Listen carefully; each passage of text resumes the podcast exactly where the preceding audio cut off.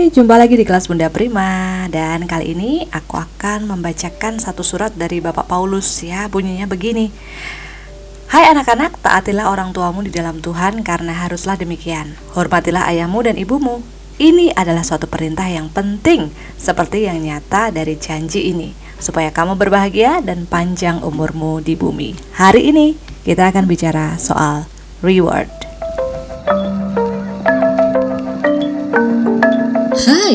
ini adalah kelas Bunda Prima. Di kelas ini kita akan berbagi bersama pengalaman dan studi tentang anak-anak. Anak-anak adalah anugerah Tuhan. Merawat mereka adalah sebuah panggilan hidup.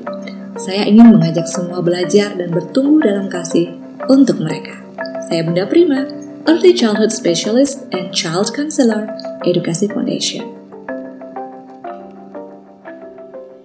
Seperti hanya konsekuensi negatif itu adalah akibat logis daripada sebuah pelanggaran, maka reward ini adalah akibat logis dari sebuah ketaatan. Misalnya, kalau anak mandi cepat, kalau kamu mandi cepat, kamu tidak akan kedinginan, kamu punya banyak waktu lebih untuk bermain. Atau kalau kamu taat dengan perintah ibu, maka kamu akan terhindar dari celaka. Kalau kamu terhindar dari celaka, kita bisa punya banyak waktu luang untuk bersama-sama, lebih banyak waktu luang untuk bersama-sama. So, reward itu bukan sesuatu yang kita berikan kepada anak untuk mereka melakukan sesuatu yang kita minta, bukan, ya. Reward adalah konsekuensi logis daripada ketaatan. Jadi, dalam menerapkan reward, kita perlu menjelaskan prinsip kerja reward ini kepada anak.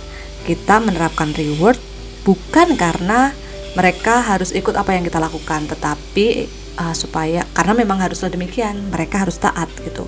Seperti yang tadi ditulis oleh Bapak Paulus. Lalu apa sebenarnya fungsi reward? Nah fungsi reward hmm, saya sederhanakan ada tiga ya. Yang pertama reward itu berfungsi sebagai bonus ya. Reward itu sebagai uh, bonus yang mengejutkan kepada anak-anak. Misalnya hari itu kita punya banyak hal yang kita sampaikan ke anak mereka harus ikutin maka tanpa mereka harus tahu, kita sudah siapkan reward itu sebagai bonusnya dan kita katakan sama mereka, "Makasih ya untuk hari ini kamu sudah banyak membantu ibu. Ini adalah bonus dari apa yang kita sudah alami bersama hari ini." Jadi reward sebagai bonus. Ah, yang kedua itu reward sebagai penguatan. Misalnya kita mau mereinforce atau menguatkan sebuah perilaku yang kita mau ubah kepada anak, maka kita bisa memberi reward gitu misalnya uh, anak saya misalnya dia suka ini ya apa namanya siram bunga ya. Waktu dia siram bunga kita lihat waktu dia melakukan itu sendiri dengan keinginannya sendiri kita lihat wah kamu hari ini bisa siram bunga dengan banyak loh. Kemarin satu sekarang kamu bisa siram lima pot. It's good. Nah kita kasih sebagai penguatan bagi perilaku yang kita sukai atau perilaku yang baik itu dan kemudian yang ketiga itu reward sebagai ucapan terima kasih. Nah, misalnya udah selesai hari itu kita mau tidur sama mereka, kita bilang, uh, aku peluk ya, atau aku punya surprise buat kamu hari ini karena hari sepanjang hari ini kita bisa lakukan sesuatu bersama-sama dengan runut sekali. Maka aku mau bilang terima kasih sama kamu. Lalu kita kasih reward itu. Tiga ya fungsi reward sebagai bonus, sebagai penguat perilaku dan juga sebagai ucapan terima kasih. Nah, untuk mengujinya apakah kita sudah menerapkan reward dengan benar, ada beberapa pertanyaan yang mungkin bisa kita terapkan pada diri kita sendiri ya. Yang pertama, pertanyaannya adalah apakah reward ini akan mengubah hati anak-anak kita? Kalau iya, maka jangan lakukan nanti anak-anak terbiasa hatinya berubah karena reward gitu. Misalnya ya, eh, anak-anak uh, ini kan dia suka ini ya. Nah, misalnya dia lagi harus kerja tugas gitu ya, dia harus kerja tugas hari itu dia harusnya sudah tahu sendiri kan dia mengerjakan tugasnya sendiri, tapi kita bilang sama dia, ayo kamu kerja tugas sekarang. Aku nggak mau, aku capek banget. Nanti ibu kasih sup ayam misalnya kayak gitu ya nah langsung oke okay, oke okay, langsung dia mau berarti hatinya berubah itu karena reward nanti dia bisa terbiasa jadi stop aja kalau memang kita udah menemukan itu kita bisa stop kemudian yang kedua apakah reward ini akan memuaskan hasrat anak atau menolong mereka untuk mengerti prinsip kasih ya apakah ini hanya memuaskan hasratnya aja contoh ya misalnya Ibu, aku pengen banget beli permen, pengen banget beli permen, pengen banget beli permen. Ya udah kalau gitu kamu nyapu dulu, kemudian kita kasih permen. Dia itu hanya memuaskan hasratnya, tapi tidak ada prinsip kasih yang diterapkan di sana. Jadi kita stop. Kemudian ketiga, apakah reward ini hanya akan mengubah perilakunya sementara? Ini perlu kita cek ya. Kalau misalnya hari itu kita berikan reward, kemudian perilakunya berubah, besok lagi kita berikan reward, perilakunya berubah, tetapi waktu tidak ada, perilakunya kembali lagi. Nah, itu berarti hanya untuk sementara. Kalau ada demikian, maka kita harus stop. Nanti terbiasa. Dan yang keempat adalah apakah anak-anak mulai belajar menghitung? Berapa reward yang saya dapat? dan berapa kebaikan yang harus saya keluarkan untuk bisa mendapatkan reward yang lebih.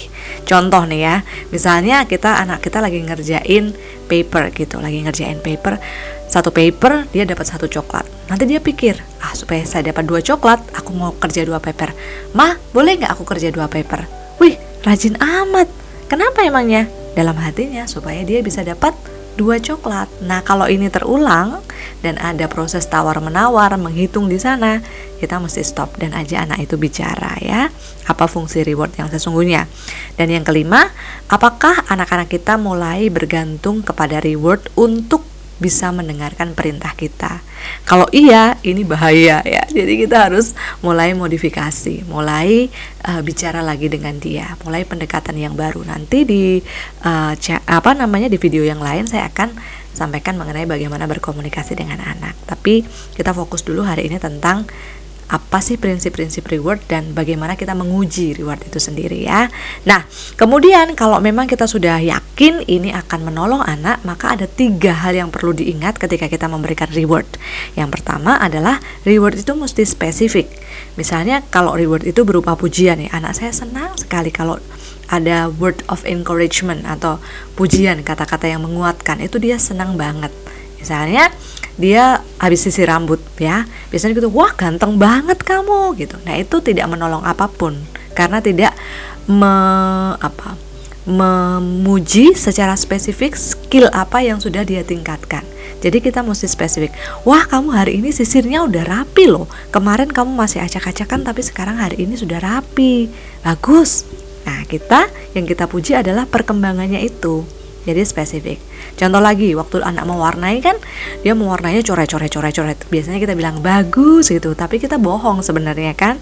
Nah kita mesti jujur wah mewarnainya hari ini bisa ini ya sudah bisa lebih banyak uh, lebih banyak daripada kemarin. Nah, kita spesifik. Kita puji lebih banyaknya bukan bagusnya. Karena memang belum bagus tapi dia sudah berani lebih banyak memberikan warna gitu. Dan Kemudian yang kedua, sesuaikan reward itu sesuaikan dengan kesukaan anak. Nanti cek di video sebelumnya yaitu tentang bagaimana kita menguji uh, apa namanya konsekuensi negatif. Nah, prinsipnya sama. Konsekuensi positif pun atau reward ini juga kita harus uji dulu apa nih kesenangan anak. Misalnya anak saya dia nyapu gitu kan. Wah dia nyapu bersih bersih terus kita mau berikan kejutan sama dia. Eh aduh seneng banget hari ini kamu bantu ibu ya. Meskipun kamu tidak disuruh kamu bantu ibu. Hari ini ibu punya surprise buat kamu. Kita makan kacang polong sama-sama ya. Nah itu nggak menarik buat anak-anak. Jadi kita mesti uji dulu bagi dia itu apa yang menarik gitu. Jangan kacang polong gitu. Nah kemudian ketiga prinsipnya kalau bisa ini wujudnya surprise jadi tidak berarti setiap kali dia berbuat baik dia mendapatkan reward atau ada rumusnya begitu loh. Lebih baik tidak begitu gitu karena uh, yang yang konsekuensi positif itu tadi harusnya sudah dia dapat kalau dia melakukan ketaatan itu otomatis. Jadi rumus otomatis itu dia sudah ngerti. Tapi sebagai bonusnya sebagai ucapan terima kasihnya sebagai penguatnya kita berikannya dengan surprise surprise. Nah itu menolong anak untuk uh, punya ini ya maintain atau jaga level of happinessnya mereka. Itu dan yang terakhir kita harus mengikuti pemberian reward itu harus diikuti dengan penjelasan bahwa kita memberikan itu bukan karena mereka baik atau mereka melakukan kebaikan tidak tapi karena kita mengasihi mereka karena kita berterima kasih Nah, prinsip ini juga akan mereka terima dalam hidup mereka. Sehingga ketika mereka melakukan sesuatu, mereka tahu bahwa itu adalah ucapan syukur. Thank you hari ini. God bless you.